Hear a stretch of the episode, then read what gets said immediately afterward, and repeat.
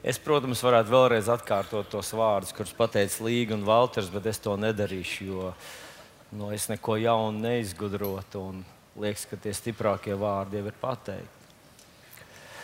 Bet man tiešām gribas uh, atgādināt un akcentēt to domu, ko Līga jau pateica šorīt. Viņa pieminēja to romiešu virsnieku, kurš Jēzum sacīja tos vārdus: Tev nav obligāti pie manis jānāk, tu tikai pasaki vārdu.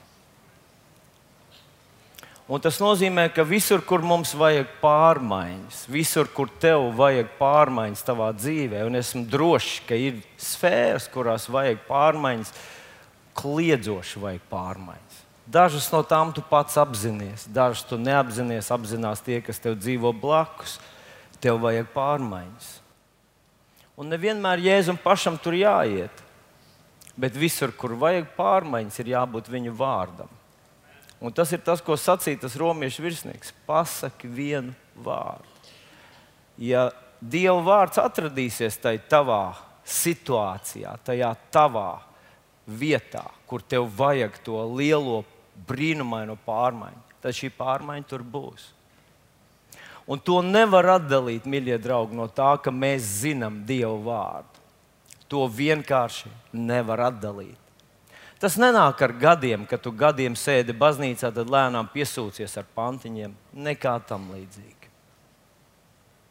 Tas nāk ar tādu izpratni, ka tu vērtē viņu vārdu, un tad tu to centies paņemt. Ir cilvēki, kas man ir teikuši, jā, bet es jau neesmu jaunietis, kad es biju jauns, tad man gan tie pantiņi tā viegli skrēja iekšā galvā. Tagad es cenšos un cenšos un cenšos. Un izņemot kā vecā darība un jaunā darība no Bībeles, neko vairāk es nezinu. Nevienu pantiņu. Es arī vairs neesmu jauns, un uh, man arī bija līdzīgi, kad, kad, uh, kad grūti atcerēties. Tu pat uh, nu, uz dievkalpojumu samācies, un, un otrā dienā tu vairs neatceries, kas tas bija, no kurienes. Un es gribu tikai dažus dažus uh, savus, uh, savu metodu padalīties. Un es to saku ne tāpēc, lai palielītos. Vienkārši nu, man gribas kaut kā tā praktiski to izdarīt, un tāpēc es to stāstu. Viena no rakstvietām, ar kurām man bija liels problēmas, bija Jānis 4.17. 1. Jāņa 4.17. Ar to mīlestību pie mums kļūst pilnīgi, ka mums ir droša paļāvība tiesas dienā, jo kāds viņš ir, tādi mēs esam. Un man bija tik svarīgi, kāds tu esi, tāds es esmu. Jo es visu laiku sevi redzēju tajā likšu pēdiņās, tādā realistiskā gaismā. Vienā dienā man piezvanīja vecs, vecs vīrs, kurš visu dzīvi bijis draudzē, un tad viņš man saka, nu, mēs te gari runājam. Parasti veciem vīriem ir daudz ko gari stāstīt. Un tad viņš saka, jā, man jācenšas, man jācenšas. Es viņam neteicu burtiski, bet tā doma bija tāda, tu esi piecas minūtes pirms nāves. Un tagad tu saki man, ka tev tagad jācenšas, ka tu esi nepilnīgs, ka tu esi tur liekulis un nezini, kas tur vēl viss. Nu, viņš saka, bet man jāskatās uz realitāti, man jāatzīst realitāte. Es saku, laipni lūdzu, turpini skatīties uz realitāti, un tu nomirsti tāds pats grēcinieks, kā sāki. Kas ir tas, kas mūs maina? Nu, atcerieties, iesai grāmatā, es neatceros, kurā, rakstī, kurā nodaļā bija teikts, ka lietus un sniegs nāk no debesīm. Un viņš neatgriežas pirms nav izdarījis to, kam dēļ tas ir sūtīts. Mūs nemaina mūsu uh, mērķtiecība, mūsu raksturs. Es tagad būšu laipns, es tagad būšu mīļš, es tagad būšu ticīgs. Tā anekdote, ko es izstāstīju pagājušajā svētdienā, ir ļoti trāpīga. Tas, ka tu esi pozitīvs cilvēks, smaidīgs, un gaišs un viegls, tam nav nekā kopēja ar ticību. Un tas, ka tu apņemsies, ka tu tagad būsi tāds pozitīvs, nebūs īņķis, nebūs nīgrs, nekur nečīkstēs pie sevis, bet tagad būs tāds, nu, tāds optimistisks, tā nav ticība. Tas neko labu neizdarīs. Nē, nē, nē. saprotiet, man pareizi. Es gribu ar tevi runāt, tad, kad tu esi tajā noskaņojumā. Kad tu esi nīgrs, nenāc pie maniem Tāpat jau viss kaut kā pietiek. Vēl tādā atnāca. Es negribu. Neviens tev ģimene negrib tevi redzēt. Nelien ārā no gultas, sēž zem segas, kamēr nu, ieslēdz to pozitīvo metodi. Bet brīnumi tā no tā nenotiek. No kā notiek brīnumi? Kad tu paņem vārdu. Un mani maina vārds. Tas nav mans mācītāja amats, kas man uzliek pienākumus un, un spējas būt pilnīgam. Iepriekšējā nedēļā es izgāzos ar vienu no mūsu darbiniekiem, aizgāju runāt, un, un iesāku runāt, un lēnām man tās emocijas uzvārījās. Un, un es sāku kliegt, un es viņam saku, es tagad daru to, ko es nedrīkstu darīt. Nu, es par to, ka tas, ka tu esi mācītājs, nepadara tevi par piemēru. Kas tev padara par piemēru? Tas ir Dieva vārds. Mēs esam uztaisījuši tādas mazas grāmatiņas, kuras ir ideāls palīgs. Un es jums pateikšu, man bija tāda maza lapiņa ar to 1. Jāņa 4.17. Un es uzrakstīju vienā pusē, gluži kā te ir. Vienā pusē teksts, otrā pusē adrese, nu, kur viņu var atrast. Un es iebāzu to kabatā, un es divas dienas staigāju. Vienīgais, par, ja vien man nebija veikalā vai jāsaka kādam kaut kas konkrēts, es visu laiku pie sevis 1. Jāņa 4.17. Ar to mīlestību pie mums kļūst pilnīgi, ka mums ir droša paļāvība tiesas dienā. Kāds viņš ir, tāda mēs. Un es simts reizes to izrunāju. un kaut kas novērs man uzmanību, un neatceros vairs. Un es atkal izrāvu lapiņu ārā. Ar to mīlestību pie mums kļūst pilnīgi. Es gāju gulēt ar 1. Jāņa 4,17. Kāds viņš ir, tāds es esmu. Kāds Jēzus ir, tāds es esmu. Man nav jācenšas kļūt, viņš mani tādu padarīja. Un, zinot, es jūtu, ka kaut kas notiek manī. Nu, kā ebreju vēstulīte 4,12 rakstīts, Dieva vārds ir dzīves un spēcīgs. Kamēr tu lasi vienkārši burtus no, uz baltas lapas, melnus burtus, tas nav Dieva vārds. Par Dievu vārdu tas kļūst tajā mirklī, kad tas atdzīvojas. Un tum, ietriecās tavā sirdī. Un ie, ie, dziļi, dziļi iespiež tevi un izmaina tevi. Izmaina tevi. Nevis paliek tavā galvā, bet iespiežas dziļi, dziļi tur iekšā. Un beig, beigās es to 1. Jāņa 4, 17. Es atceros, es viņu iemācījos. Vienreiz uzkāpu uz, un gribēju kaut kādu uh, atgādināt cilvēkiem. Man liekas, jāpasaka. Un es zināju vienīgi adresi. 1. Jāņa 4, 17. Un man liekas, nu, taču visi zina to rakstīt. Viņi saka, nu, kur ir kas rakstīts 1. Jāņa 4, 17. Un neviens nezina. Un tad es atkal, atkal un atkal, kamēr es dabūju to, kāds viņš ir, tāds es esmu. Gribētu teikt, ka es esmu izbraucis no tās ostas, kur es biju. Nu, tāds kāds es biju. Un dodos tajā virzienā, kāds viņš ir. Nē, esmu vēl aizbraucis līdz galam, bet es dodos tajā virzienā. Un to, un to izdara viņa vārds. Viņa nav nekā jaudīgāk šajā pasaulē kā viņa vārds.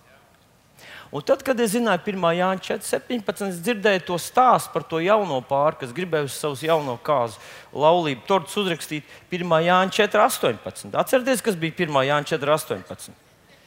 1. Jāņa 4.18 bija rakstīts tas nākošais pāns uzreiz.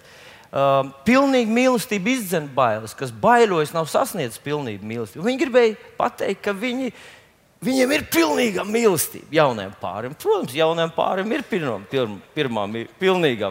Kurš ir bijis kādreiz jaunais pāris? Nu, kad mēs ar Līgu precējāmies, mums viens nestāstīja, ka jāmīl, ka jābūt pirmai, otrai, un ko tur iemīlēšanās fāze un tā tālāk. Mums vienkārši viss teiks, jūs precēties, nu, malači un precēties. Nu, labi. nu, bet Un jūs atceraties, tas konditors nokļūdies. Viņam nebija vietas, kur uzrakstīt to pirmo. Tad viņš uzrakstīja vienkārši Jānis 4, 18. Jūs atceraties, kas ir Jānis 4, 18? Kas? Nu, no tā es tagad zinu trīs pāns. Jānis 4, 18, 5 vīri tev bijuši, un tas, kas tev tagad ir, tas nav tavs vīrs. Zinu, 1. Jānis 4, 18, jo jaunais pāris gribēja uzlikt uz savus torts, to pilnīgi mīlestību izdzen bailes. Nu, un zinu, 1. Jānis 4, 17 tā radot kaut kādas asociācijas, tev paliek atmiņā tie, tie panti. Nu, es nekad dzīvē neesmu dzēris šņabu. Bet es zinu, ka šņabis maksāja kādreiz Krievijas laikos 4,12 kopēkas. Un zini, kas ir apakstuļu darbos 4,12 rakstīts? Nav pestīšanas nevienā citā, jo nav neviens cits vārds cilvēkiem zem debes dots, kurā mums lemta pestīšana. Tad kaut kādas tādas asociācijas tev būs tavējās. Bet manā izpratnē tas tāds tā kā šņabis, tā kā neatgriezis, tāds tieši sačakarēs tavu dzīvi. Un tāpat apakstuļu darbu 4.12 izglābs tavu dzīvi. Jā. Tā tāda radikāla un, un tad cit, citas. Es neesmu sakaitījis, bet ja es vienu dienu man mazliet lika sarakstīt visas raksturvietas, kuras es zinu. Es sarakstīju, un tur bija garš saraksts. Un tā Pie trim tu pieliksi vēl ceturto un piekto klāt. Bet, ja tur ir nulle, tad ļoti grūti pat vienu dabūt iekšā. Nu, bet Jānis 3, 16, visi mēs zinām. Pieliec 17. klāt. Jā, 3, 16, 17. Viņš nav nācis tiesāt, viņš nācis klāt. Strādā ar Dievu vārdu. Ja tu gribi pārmaiņas savā personībā, savā finansēs, savā veselībā, Ne, ir muļķīgi aicināt Jēzu un nāc. Viņš tev ir iedevis savu vārdu. Ja tu necieni pietiekami viņa vārdu, no Jēzus atnākšanas arī nekāda liela nebūs. Otra lieta, ar ko es gribu padalīties ar jums, ir tīri informatīva. Jūs zināt, ka sestdienas rītā Amerika, Lielbritānija un Francija uzbruka mērķiem Sīrijā. Viens bija pie Damaskas, un tad vēl divi mērķi bija kaut kur citur. Es, protams, esmu slikts starptautisko attiecību eksperts. Bet es Bībelē jau sen izlasīju, ka pienāks brīdis, kad Damaskas vispār nebūs kā pilsētas vairs. Un tas ir uzrakstīts vairākās raksturvietiņās, Iesaistīta grāmata 7, 8. Kā Sīrijas galva ir Damaska, tā Damaskas galva Recīns. 65 gadu laikā Evrēms satrieks tā, ka nebūs, šī cilts vairs nebūs tauta. Lasam tālāk uh, Jeremija grāmatā. Jeremija grāmatā 49. nodaļa. Damaska zaudējusi cerību, tā taisās bēgt. To pārņēmušas bailes, izmisums un šņaudzējis kā dzemdētājs sievu dzemdības sāpēs ak, tā ir atstāta. Šī slavenā pilsēta, kas reiz bija mana prieka pilsēta.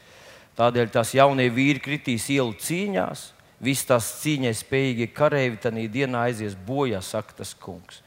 Es pielikšu uguni Damaskas mūriem, tā aprīs Benhadada pilis. Jā, Iesajā 17 ir rakstīts, ka Damaska vairs nebūs pilsēta, tur būs drupas. Tur mitīs tikai ganāmpulki iestur un, un ganīsies tur, kur šobrīd ir attīstīta pilsēta ar visām tām komunikācijām.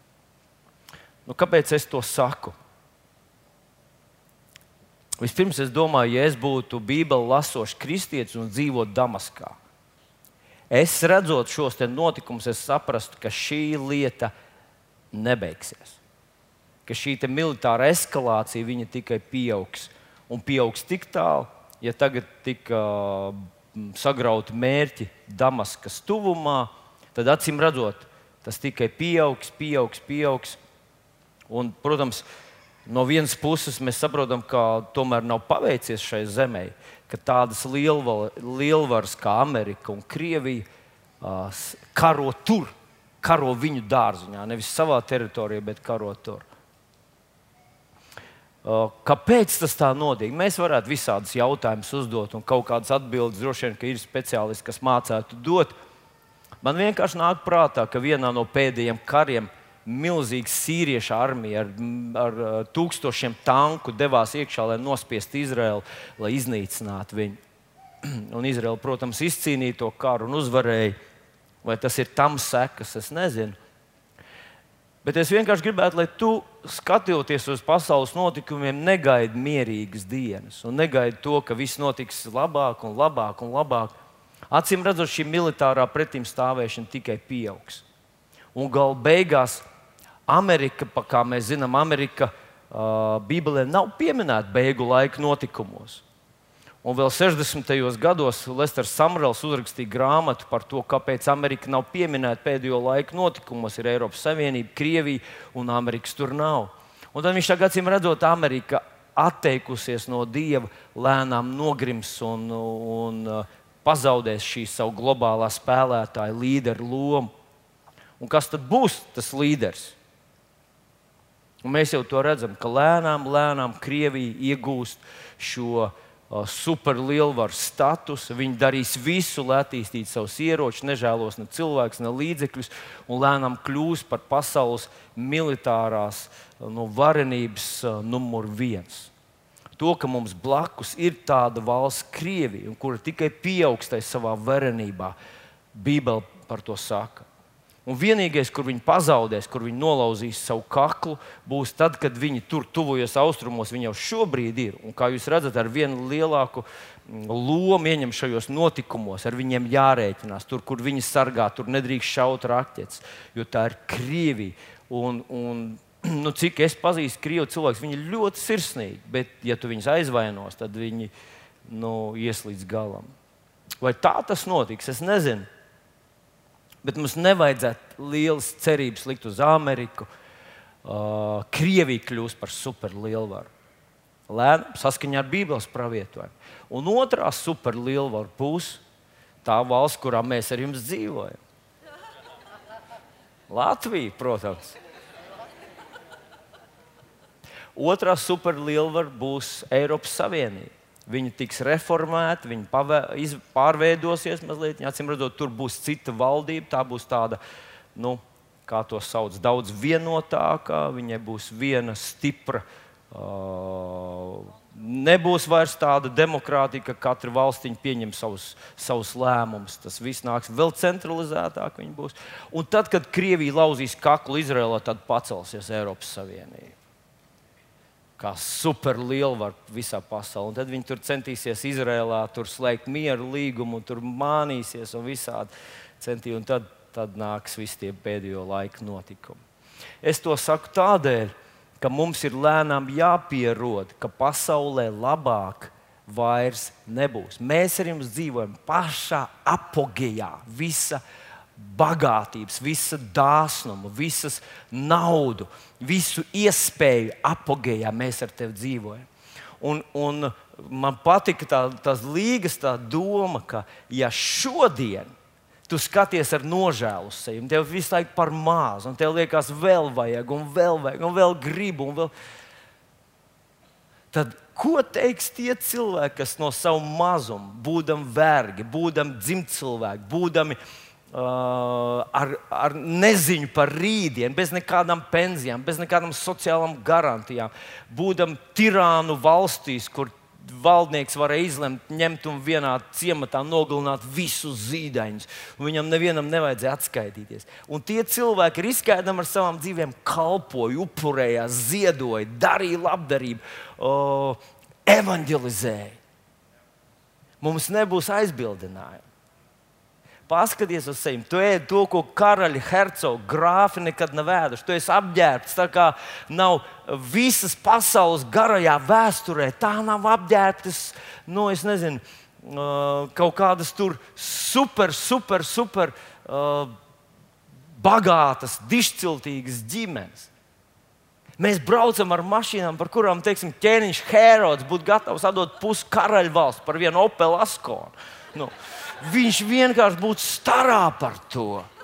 Ja viņš būtu iespējams ceļot uz, uz Romu viņam ar lidmašīnu, tad viņš to pusi dzīves atdot par tādu piedzīvojumu, lidot ar visu savu galmu. Un priekš mums tā ir ikdiena. Mūsu telefoniņā mēs redzam visu pasauli. Tu vari aizsūtīt īsiņu, da jebkuram, jebkur tu uz to lietu vairs neej bez telefona, jo tu, tu esi atslēgts no pasaules. Nu, sagatavojieties, pacelt rokas, kas ņem līdzi telefonu. Bā.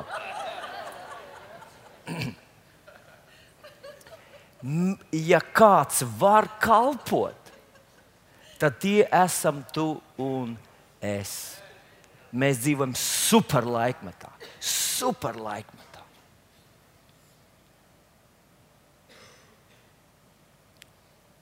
Aleluja! Nu, bet šī rīta tēma man jāizstāsta viens. Eh,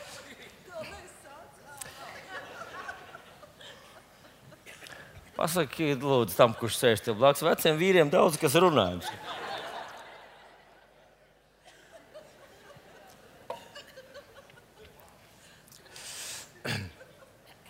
Viena maza meitenīte staigāja uz svētdienas skolu regulāri. Un tur viņai svētdienas skolā mācījās, un, un Izraēla bērnu draugs izgāja no turienes, un Izraēla bērnu iekaroja tur, un Izraēla bērnu draugs gāja cauri tūkstnesim. Vienreiz atnākus mājā, viņa prasa savam tētim. Mums stāsta, ka Izraēla bērnu draugs darīja to, un Izraēla bērnu draugs darīja to, un Izraēla bērnu gāja tur, un Izraēla bērnu tur.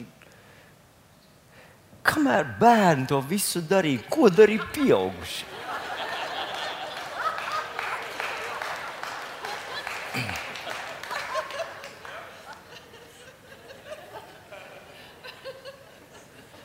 Nu, mums ir būt, jābūt par piemēru, pareizi.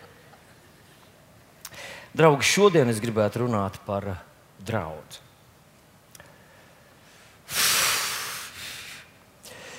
Draudz, jā. Ziniet, vienā teikumā, ja, ja man būtu jāpasaka vienā teikumā, uh, to nevar pateikt labāk, kā to pateica, uh, kā nu sauc to puisi, uh, kurš pateica uh, lokālā draudzene pasaules cerība. Haibels, Bils Haibels. Viņš izteica šo teicienu, tagad tas ir ļoti populārs, un daži saka, nē, kāda lokālā draudzene. Lokāla draudzene ir pasaules cerība. Nevar bez vietējās draudzes, šīs lokālās vietējās draudzes, kurā tu arī šodien atrodies, bez viņas nav iespējams. Viņai ir ļoti daudz ienaidnieku, ļoti daudz pretinieku, bet viņai ir ļoti varens, ļoti uh, spēcīgs aizstāvis. Tas šodien to sauc par lobbyis. Draudzē ir ļoti spēcīgs lobbyis, un tas ir debesīs viņas dibinātājs. Rakstvietiņa, kur mēs iesāksim, ir 1. Timoteja vēstulītē, 3. nodaļā, 1. Timoteja 3. Uh, ir 14. 15. pāns. 14. pāntā viņš saka, Pāvils saka, Timotejam, es ceru pie, pie tevis drīz nākt. Bet, ja es aizkavētos, es gribētu, lai tu zini, kā pienāks izturēties dzīvā Dieva draudzē, kas ir Dieva nams, kas ir patiesības balsts un pamats. Nu, padomājiet, lūdzu, tādu, tādu, uh, nu, tādu vēstulē Pāvils saka, ja es aizkavētos, es gribu, lai tu zini, lai tu nesalaid grīstē kaut ko. Kā izturēties Dieva draudzē, un tad viņš saka, ka tas ir Dieva nams. Bet padomā, Timotejs bija izglītots cilvēks. Viņš dzīvoja tādā mm, lielā pilsētā, kur visa kā viņš bija redzējis. Viņš bija mācījies skolā, viņš bija atradies kaut kādās valsts institūcijās, viņš bija redzējis ķēniņus un, un, un dišciltīgus grāfus un aristokrātus, bija atradies tur kaut kur viņa tuvumā. Un tomēr Pāvils viņam saka, paklausies, bet es tev pateikšu, nu, kā uzvesties draudzē. Un Es nedomāju, ka te ir kāds cilvēks, kurš pirms nāca uz šejienes, gribēja uzzināt, kā tur uzvesties. Ak, kungs, skatīšos apkārt, kā viss celsies, es celšos, ka viss sēdīsies, es apsēdīšos. Kas tur pa lielu zinātni? Pareizi. Bet Pāvils uzskatīja, ka tās ir tik svarīgas lietas, ka tās ir jāzina. jāzina. Un kāpēc jāzina? Kāpēc tās ir svarīgas? Tāpēc, ka tas ir Dieva nams, Dieva māja. Nu, katrā mājā ir kaut kādas savas īpatnības, vai ne? Katrā mājā ir kaut kas tur, kaut kur nevajag. Varbūt tev uzreiz to nepateiks, ja tu esi viesis un tu kaut ko dari aplam, bet, ja tu esi savējais, tad katrā mājā ir kaut kas, kur nedrīkst iet. Es, piemēram, biju aizbraucis nu, vairāk reizes, jau biju aizbraucis. Es nesaukšu to ģimeni vārdam, bet viņiem ir tāda viesistaba un tad ir tāds ieejas, tāds, nu, Un tas ieejas, viss tas ar virtuvi un viss tas ieejas, tas paviljons, viņš ir paaugstināts. Un tad ir viesistaba, un tad jānokāp viens pakāpieniņš zemāk. Un viņiem ir brīnišķīgs suns. Ļoti skaists, uh, nu, palīdziet man, kā, kā Labradors tas nav, bet tas zelta rīt, jūs zinat, par kur es runāju. Jā. Jā, tie nav, tā, tā nav viena. Zelta retrīvers. Un viņi mīl to sunīti. Viņi baro viņu ar, ar zelta graudiem. Un, un, vārds, ko, viņam ir pats labākais. Viņam ir privāts doktors un, un psihologs. Un, un, viss tam sunim ir. Bet tu pamanījis tādu ļoti interesantu lietu, ka tas suns visur skraida izņemot. Viņš nedrīkst nokāpt zemē un iet viesistabā. Ne jau tāpēc, ka ļauni cilvēki tur ir, tā ir robeža novilkta. Un tam sunim iemācīja, pirms viņš devās uz to māju, staigā visur, kur grib, tikai nekad nekāp uz leju pakāpienu. Tur nedrīkst. Savas, jūs mājās arī ir īpatnības, vai ne? Kur jums stāv netīrās veļas grozs? Pārējais virtuvē uz galda. nu, nu, tā tālāk, visādas tādas mazas īpatnības jums ir jāliek, kur, kur, kur vīriešu zeķes stāv. Nu, kā nu? Pie televizora stāv vienas, tās izējumās, tās svētdienās uzvelk. Tad, nu, var sakot, skaidrs, ir savi noteikumi. Un Pāvils saka, ir tādi noteikumi, kurus Timotei tev jāņem vērā, lai tu izturētos Dieva namā. Dieva namā. Redziet, tas mūsu draugs suns ieiet viesistabā, pēkšņi tas mīļais saimnieks pēkšņi pārvērstos. Viņš saka, kas par lietu, kur psihologu nogriezīsim, nu, konsolidēsim. Psihologs te vairs nebūs, masieris vairs nemasēs te. Un suns var pazaudēt attiecības, jā, ja viņš pārkāpj šos noteikumus. Tieši tāpat ir lietas, kuras mēs varam sev, sev savai dzīvei sabojāt, ja mēs nezinām, tos noteikumus, kur ir Dieva mājā, Dieva namā. Un tur ir konkrēti noteikumi. Un tāpēc Pāvils saka Timotē, mēs tevi gribam brīdināt par tiem. Tātad tā pirmā lieta, ko viņš saka šajā rakstvietiņā, viņš saka, ka draudzene tā ir Dieva nams, Dieva māja. Vai viens no tulkojumiem saka, ka tas ir Dieva īpašums. Īpašums. īpašums. Pieņemsim, tev ārā ir mašīna, tur sētā. Un pieņemsim, ka tas ir nu, BMW.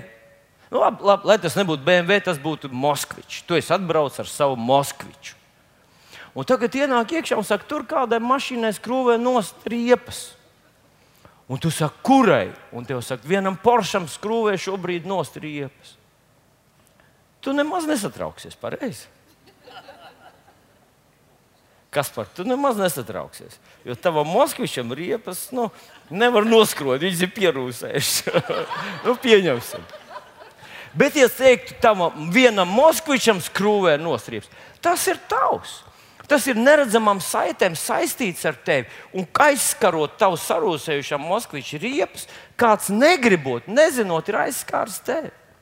Un tas ir tas, ko viņš cenšas mums pateikt ar draugu vajag ļoti uzmanīgi, jo tas ir kaut kas, kas ir piesaistīts Dieva sirdī. Tas ir kaut kas, kas Dievam ir svarīgs, nozīmīgs un dārgs. Un mums ir svarīgi to zināt. Pēters to uzrakstīja tā. Pirmā eh, Pētera vēstulē, otrajā nodaļā, viņš saka tā: Uzceliet no sevis pašiem, kā dzīviem akmeņiem, garīgu namu un topiet par svētu priesteru saimnu, nesot garīgus upurus, kas Dievam ir patīkami caur Jēzu Kristu. Viņš runā vēl aizvien par to pašu tēmu, viņš runā par draugu. Un tad viņš saka, uzceliet no sevis, kā garīgiem akmeņiem, šo dieva namu. Uzceliet. Un tagad paskatieties no vienas puses.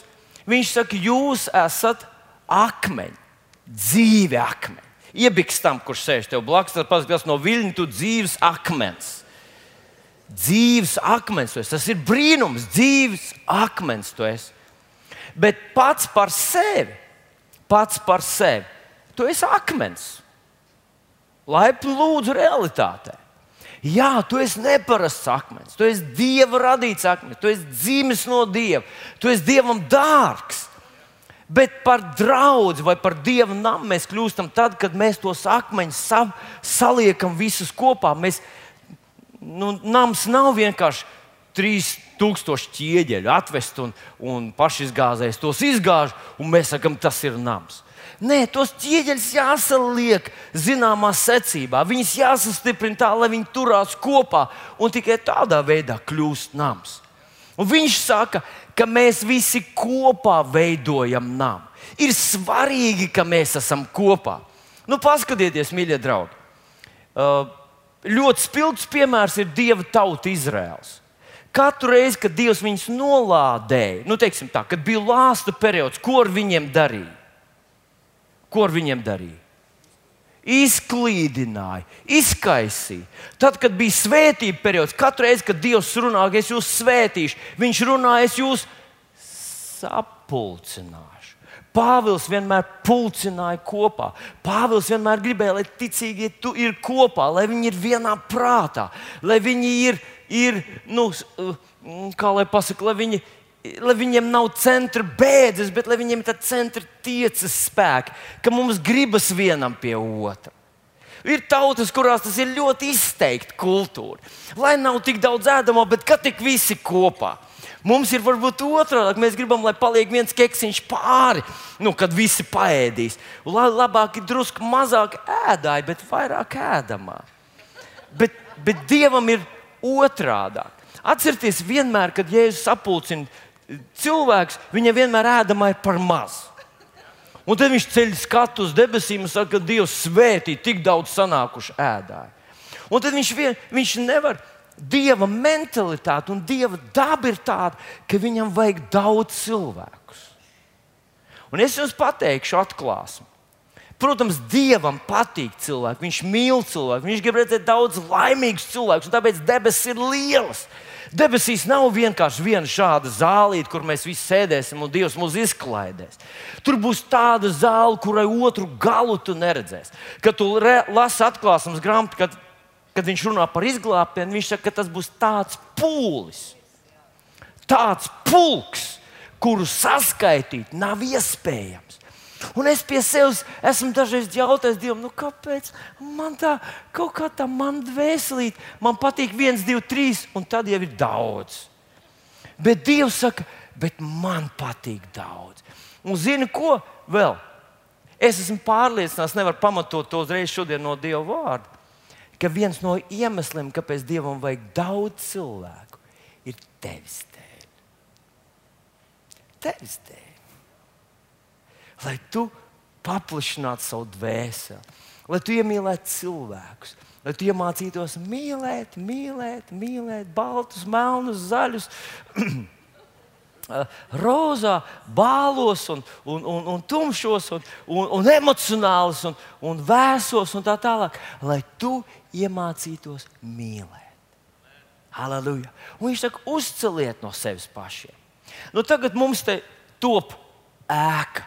Un es ceru, ka Normons kādreiz izsludinās ekskursiju tiem, kas grib apskatīties, kā top dieva nams, kā viņš top.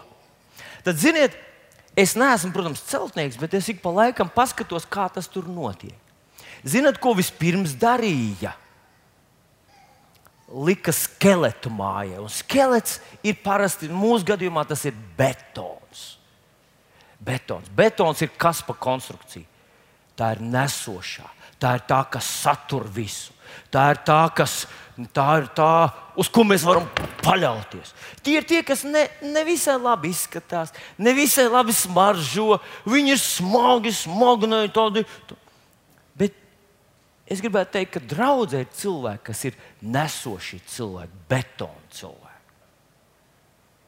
Jūs ievērojat, ka, kad, kad Dārvids ceļ namu, tad viņš saziedo no sevis 3000 talantu zelta, un tad izciltīgie saziedo 5000 talantu zelta. Un tad ir visa tauta ziedo, un tur vairs nav uzrakstīts, cik daudz. Jo tur viņi sanes tik daudz, ka tur bija vajadzēja veselu mēnešu šķirot un inventarizāciju taisīt, lai saprastu, cik tur zelta un cik tur kaut kā. Jo Dāvidam viss bija maisiņiem salikts pa čupiņām. Nu, jau saskaitīts grāmatvežs bija strādājuši veselu gadu, lai visu to saskaitītu un atnest. Halleluja! Nu, pasmaidiet, lūdzu! Bet tas vienmēr ir visu kopdarbs. Pat Dārvids, būdams varens ķēniņš, nevarēja uzcelt viens. Un Dievs negribēja, lai viņš ceļ viens. Dievs nekad nav gribējis, lai viens kaut ko izdarītu. Viņš vienmēr gribējis, lai visi iesaistās. Un, respektīvi, tur tiek uzskaitīts zelts, jo zeltu liek redzamās lietās. Bet tas zelts neturās. Neviens netaisa māju no zelta, jo tā māja būs neizturīga. Viņa, būs, viņa, būs, nu, viņa neturēsies kopā. Vispirms vajag kaut ko nesošo stipri ielikt. Un šīs draudzes lielā vērtība ir šie betona cilvēki. Nu, skatieties, tie, kas jūs bijāt vakaros pasākumā, cik ir tādi cilvēki, kas bija vakaros pasākumā? Vai jūs ievērojat, vakar nebija vispār krēslu šeit? Un tad, kad te viss tas ņēgu, ņēgu aizgāja prom, te bija tik daudz visādi papīriņu, visa, visa kā bija. Gan jau, ka bija kāds kožlens, un bija arī kāds kaut ko nolējis, un kaut kas kādam bija izkritis no mutes, un tā tālāk. Nu, kā parasti.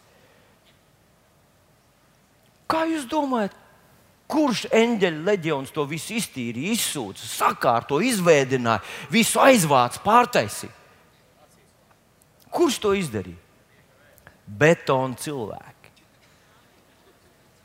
Tie ir cilvēki, kuri ir uzticami kā betons. Viņi būs tad, kad neviens nebūs. Viņi atsauksies, viņi izdarīs šo melno, nepateicīgo, neredzamo darbu. Bet kur kas mūs visus tur? Paskatieties, jūs šobrīd sēžat uz betona cilvēku darbu. Tas ir tāds dārgums tāds dārgums. Šie cilvēki, kas dara praktisku darbu, dažiem no viņiem bija slapas muguras, dažiem bija slapas padus, dažiem bija slapjš vēl kaut kas. Bet viņi smagi strādāja, praktisku, neredzamu darbu, lai uzturētu dieva nāmu. Un tā ir milzīga vērtība. Ir, protams, cilvēki, kas ir kā zelts. Kur, uz kuriem ir patīkami skatīties. Viņi labi dzied, viņi labi uh, nu, prezentē Dievu vārdu. Bet bez betona cilvēkiem viņi kļūst par, par noputējušiem uh, zelta gabaliņiem kaut kur tuksnesī. Ir visi kopā. Un, ja jūs aiziesiet uz to nāmu, jūs redzēsiet, ka ir betons, viss tur bet tad tur ir trūkumas, kas velk ventilāciju, vajag svaigu gaisu. Tad tur ir caurules, pa kurām tiks dzēsēts. Tad tur ir elektrības kabeļi visur, visapkārt. Un, ja jūs noiesiet pirmā stāvā, visa grīda ir vienos kabeļos. Es prasu, kas tur būs? Tur, tur domu lasīšana vai kas no tā? Nē, tā būs siltā grīda. Nu, jūs saprotat, daudz viss kaut kā ir vienā mājā. Un tieši tāpat draudzē ir cilvēki, kas dažādus darbus dara. Bet saliekot visus viņa talantus kopā, izveidojas nams. Un Dievs tieši tā ir gribējis, lai cilvēki atnākot ar savām dāvanām, ar savām prasmēm, ar saviem talantiem kopā, mēs izveidojam šo namu Dievam, kurš ir sasaistīts ar Dieva sirdi. Viņam tas ir svarīgs, viņam tas ir ļoti nozīmīgs. Viņš saka, uzceliet man namu, jo draudzene ir Dieva nams.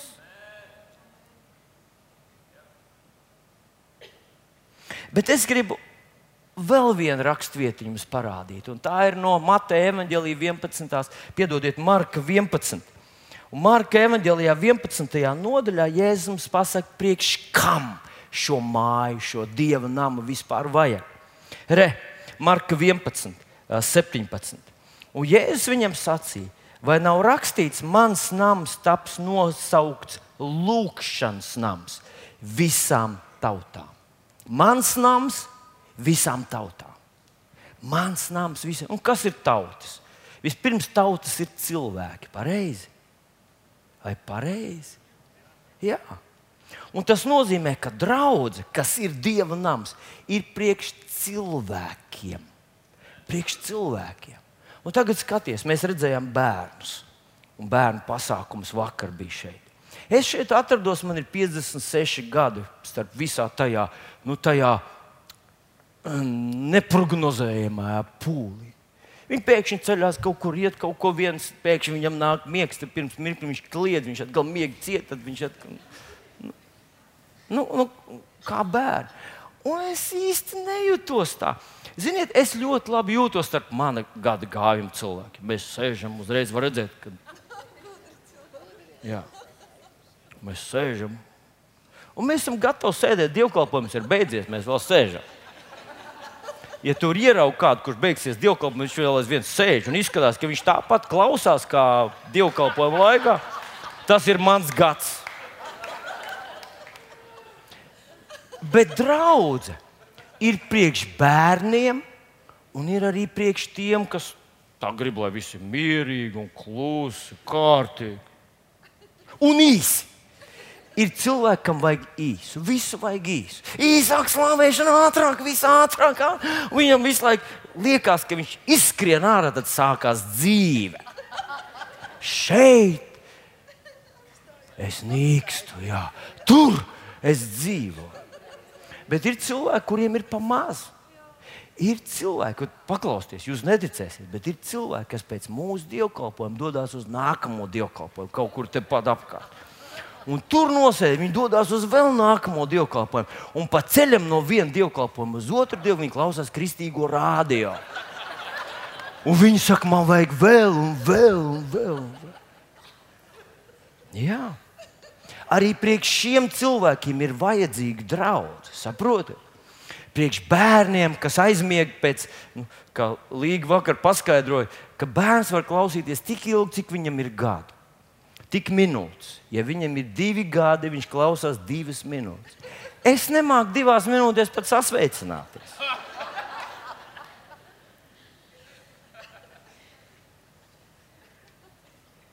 Bet iedomājieties, ja tev ir 60 gadi. Man vislabāk patiktos, lai draudzē būtu 80 gadīgi cilvēki. Viņi var klausīties 80 minūtes. Man beidzās, ko runāt, es sāku vēlreiz no sākuma. Un viņi vēl aizvien klausās. Aleluja! Slavu Dievam par sirmgalviem! Sirmgalvi ir kāds, kuram ir 80 gadi. Ah, ir! Slava Jēzum par jums! Arī jums ir draudz. Un paklausieties, kāds saka, vajag skaļāk. Kāpēc jums te tik viss tā, tik tāds, tāds, tāds nu, inerts? Vai tu nevari kaut ko aiziet uz citu draugu? Bumcu, bumcu, bumcu, basiņus vai umcu, uzreiz pavisam citu slavēšanu, kad ir bumcu, bumcu, bumcu. Ir cilvēki, kuriem saka, vai dieniņ, vai dieniņ, jā. Nu, vai tā ir debesu valstība? Debesu valstībā ir tikai ērģelīts un aizies kapliču un tur tieši tā. Ne. Mūsu vidū ir cilvēki, kas saka, klusāk, ir kas saka, skaļāk. Viena saka, kas te pa karstumu, otrs saka, vai tu nevar izslēgt to, kas tur pūš, tie kaitnieki, kas pūš virsū. Jā. Viens brālis man vienreiz te pajautāja, vai jums tepiķis ir sintētiskais? Es saku, es laikam, viņš es jūtu, ka ceļās gaisā. Es saku, draugs, un es gribēju pajokot. Es viņam saku, zinu, nevarētu būt, ka ceļās, mēs katru gadu viņu izsūcam to tēti. Bet tad es domāju, ka man nogalinās mūsu uh, tīrīšanas brigāde, jo jūs neticēsiet, katru nedēļu pirms svētdienas viss tiek iztīrīts, viss izsūkts, viss tiek savākts. Ja nu vienīgi telefons kaut kur ir nokritis.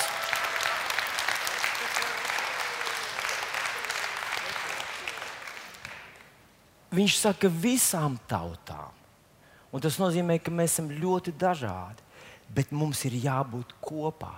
Šī ir vienīgā iespēja ieraudzīt, ka cilvēki atšķiras un mīlēt viņus, pieņemt viņus, saprast, ka arī tā var just, arī tā var domāt, ka bērniem vajag draugu.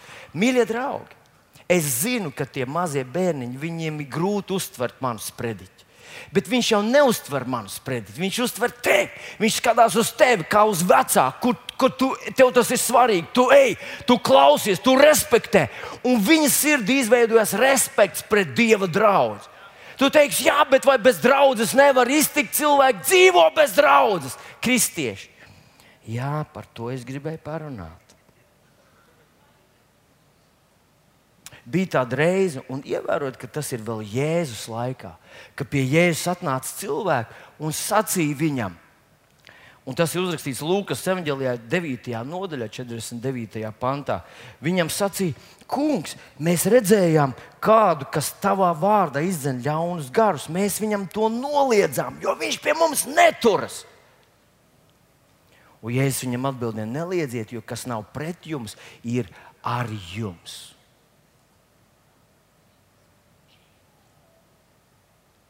Ziniet, kad es vienu dienu sapratu šo rakstu vietu, man tā iedeva tādu mieru. Jo ir cilvēki, kas saka, ka nevar nākt uz priekšu vēst viļņa dēļ. Viņš ir tāds autoritārs, viņš te visus hipnotizē. Viņš. Es no viņa baidos. Vismaz viens cilvēks no manis baidās. Slavu Jēzum! Bet ir cilvēki, kas saka, es nevaru nākt tāpēc, un tāpēc, un tāpēc. Un vispār ir cilvēki, kas saka, ka draudzes ir tas pats sevi ap, ap, ap, apražojošs uh, iestādījums, ka nekāda liela jēga no tā nav.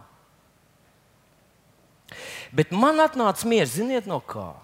Ka toreiz, kad Jēzus staigāja pa zemes virsmu, Jēzus mācīja perfekto Dievu vārdu. Viņš izturējās tā, kā Dievs izturās. Viņš rājās tikai tad, kad Dievs rājās.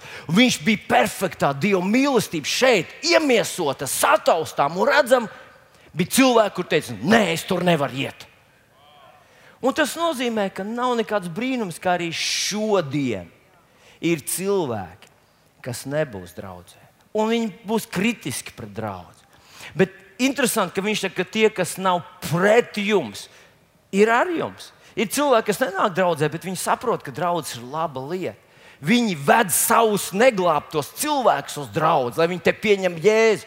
Un viņi viņus ved kristīt, viņi ved šurp kristīt. Mums uz kristībām vienmēr ir vēl trešā daļa. Tie, kas ir nezinu, no kurienes iznākuši no meža vai no kurienes un atnāk, grib tikai nokristīties, un mēs jau zinām, ka viņi pazudīs.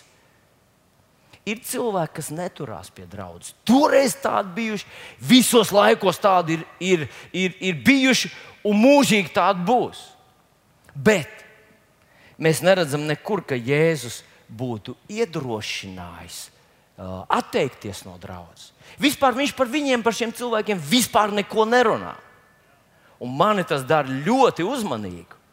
Vai var izdzīvot viens pats cilvēks ar savu bībelīti? Var. Vai viņš var sludināt evaņģēliju? Viens pats cilvēks ar savu bībeli, viņš var iet pa ielu un sludināt evaņģēliju? Var. Vai tāds cilvēks var iet pa ielu un sludināt evaņģēliju un kristīt cilvēku? Vai viņš var? Var. Vai tu vari kristīt cilvēku?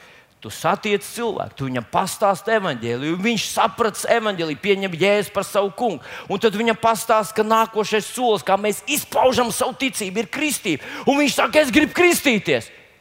Tev nav jāsaka, vai es neesmu kvalificēts. Tu viņu vari nokristīt, vari vannā nokristīt, dīķī, jūrā. Vari to izdarīt.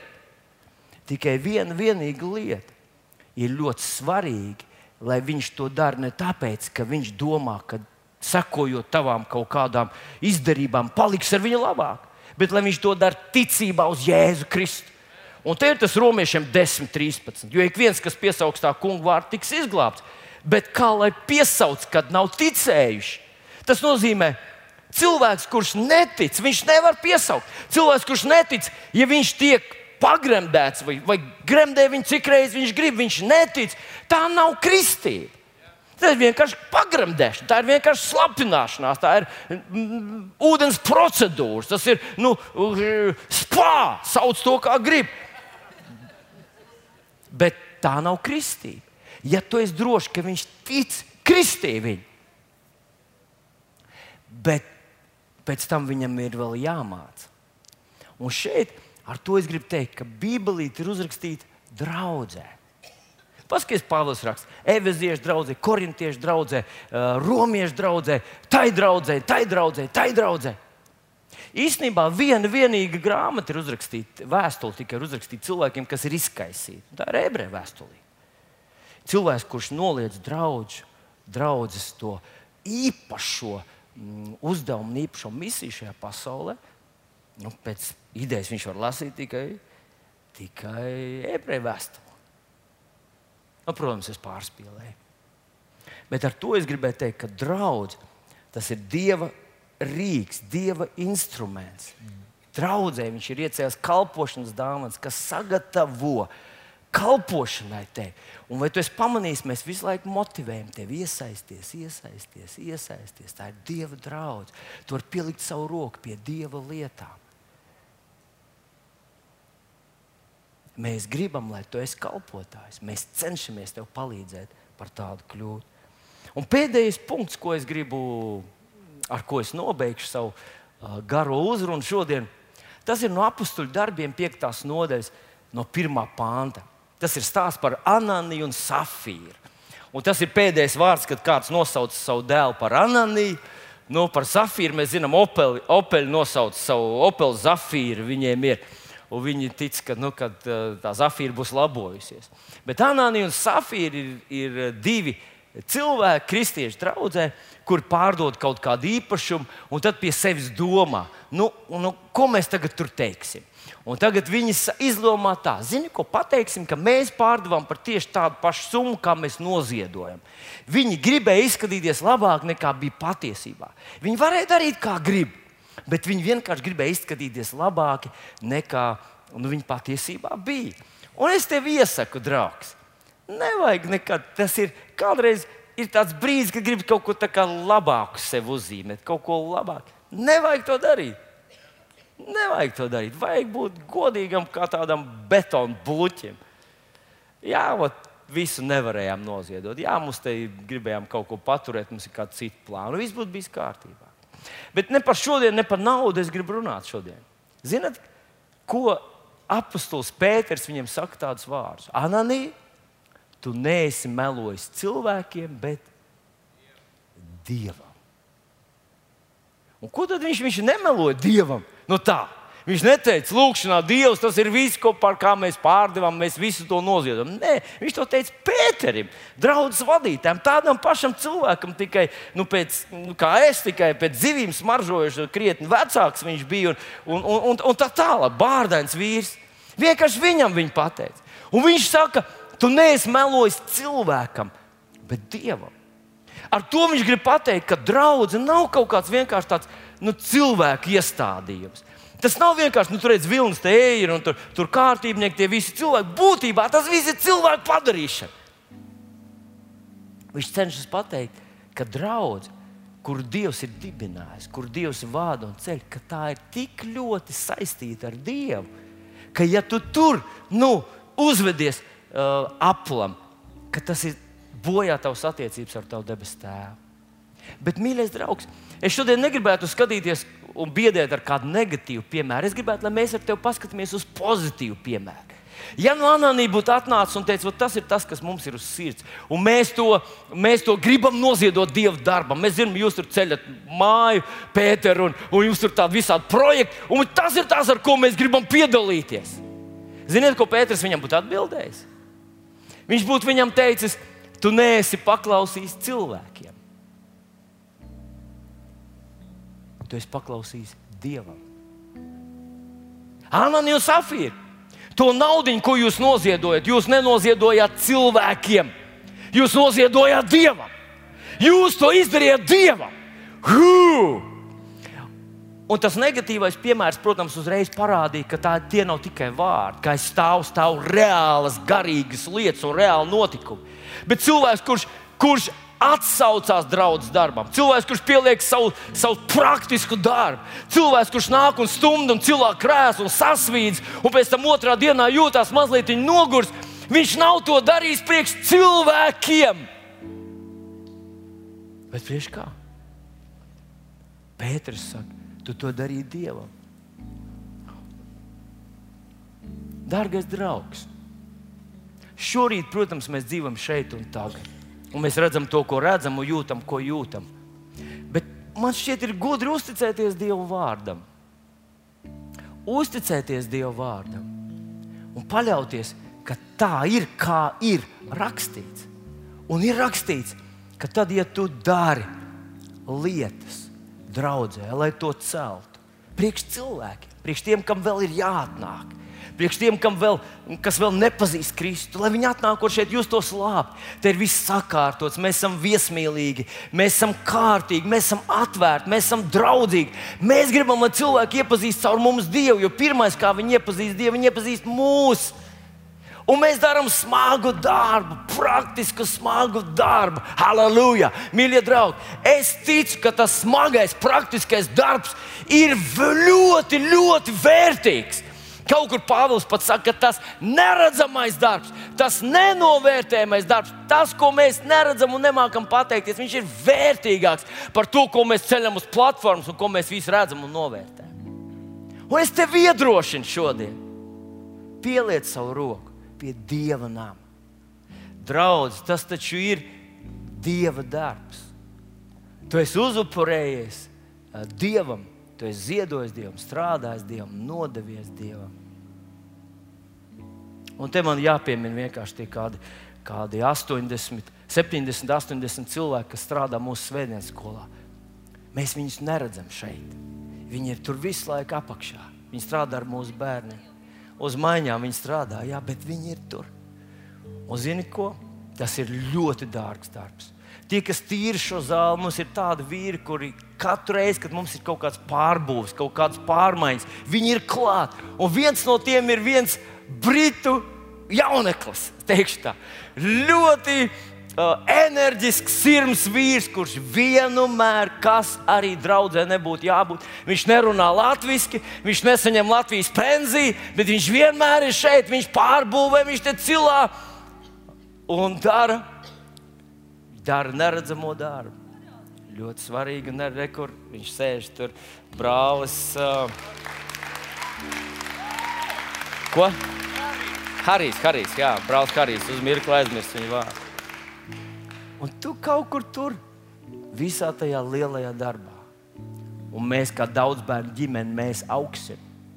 Mums ir daudz, es gar acīm redzu, daudz grūtas uh, tēvus un mātes, garīgi grūtus. Mums dzims bērni, mūsu tautai vēl jāatgriežas. Halleluja! Es ticu, ka nevis Latvija tiks svētīta, ja mēs kaut ko izdarīsim, ja mēs maģiski sanāksim kopā, ja mēs nu, klieksim, raudāsim vai gavēsim. Latvija jau ir svētīta, jau ir! Jau ir! Paskatieties! Paskatieties! Ne pie mums migranti brauc, ne pie mums brauc uh, musulmaņu teroristi. Neviens pie mums negrib, aleluja! Un es ticu, Un es ticu, ka liels nopelns ir tieši garīgam tam kupolam, kur mēs katru reizi, kad teicām, Dievs svētī Latviju, mēs esam lūguši, mūsu senči ir lūguši, mūsu vecāki un vecmāmas ir lūguši par mūsu zemi. Mīļie draugi, Tas ir tas pats pievilkšana, kur kāds mums saka, ja mēs tagad kaut ko izdarīsim, tad būs. Ko tad mēs visu savu dzīvi? Man bija 13 gadi, kad es jau lūdzu par savu zemi. Man šodien ir 55 gadi. Kas vēl man jāizdara? Dievs jau ir svētījis šo zemi, jau ir svētījis šo zemi, jau ir svētījis šo zemi. Mums ir problēmas, Bet problēma nav tur, kur nav cilvēku. Aleluja! Un es ticu Jēzus vārdā, ka daudz no mūsu tautiešiem atgriezīsies atpakaļ, turīgi, stipri, taisīs biznesus, palīdzēs šai zemē un tautai pacelties. Mums tikai ir jāizdara sava lieta. Un vienai no lietām, kurām ir jābūt Latvijai, jābūt stiprai, spēcīgai, bagātai, lielai, daudzskaitlīgai, ietekmīgai Dieva draudzēji. Dieva nāmā. Piecelsimies kājās. Aleluja! Debes Tēvs, es Tev pateicos par draugu. Es Tev pateicos, ka Tu to esi dibinājis, ka tā ir tik svarīga un nozīmīga Tev. Es Tev pateicos, ka mums ir tā privilēģija atrasties starp, starp tiem dzīvajiem akmeņiem un pielikt savu roku pielikt savu alta, savu artavu, pielikt savu talantu, pielikt to savu būvmateriālu, lai tavs nams tiešām ir stiprs, lai tas ir skaists, krāsains, lai tas ir interesants un pievilcīgs arī visiem tiem, kas tevi vēl nepazīst. Tēvs Jēzus vārdā. Es pateicos par tavu draugu. Es pateicos, ka tu to cel. Slavēts tavs brīnišķīgais vārds. Jēzus vārdā. Pasaki līdzi ar maniem šo lūgšanu. Saka, debes Tēvs, es tev pateicos, ka esmu daļa no draudzes. Es gribu pielikt savu roku pie tava nama. Es gribu, lai par mani saka, ka viņš paklausīja ne cilvēkam. Viņš uzupurējās ne cilvēkiem. Viņš strādāja ne cilvēkiem. Viņš to darīja savam dievam. Halleluja! Paldies, Tev, Tēvs! Mēs dodam Tev slavu un godu un pateicību. Jēzus vārdā dosim aplausu.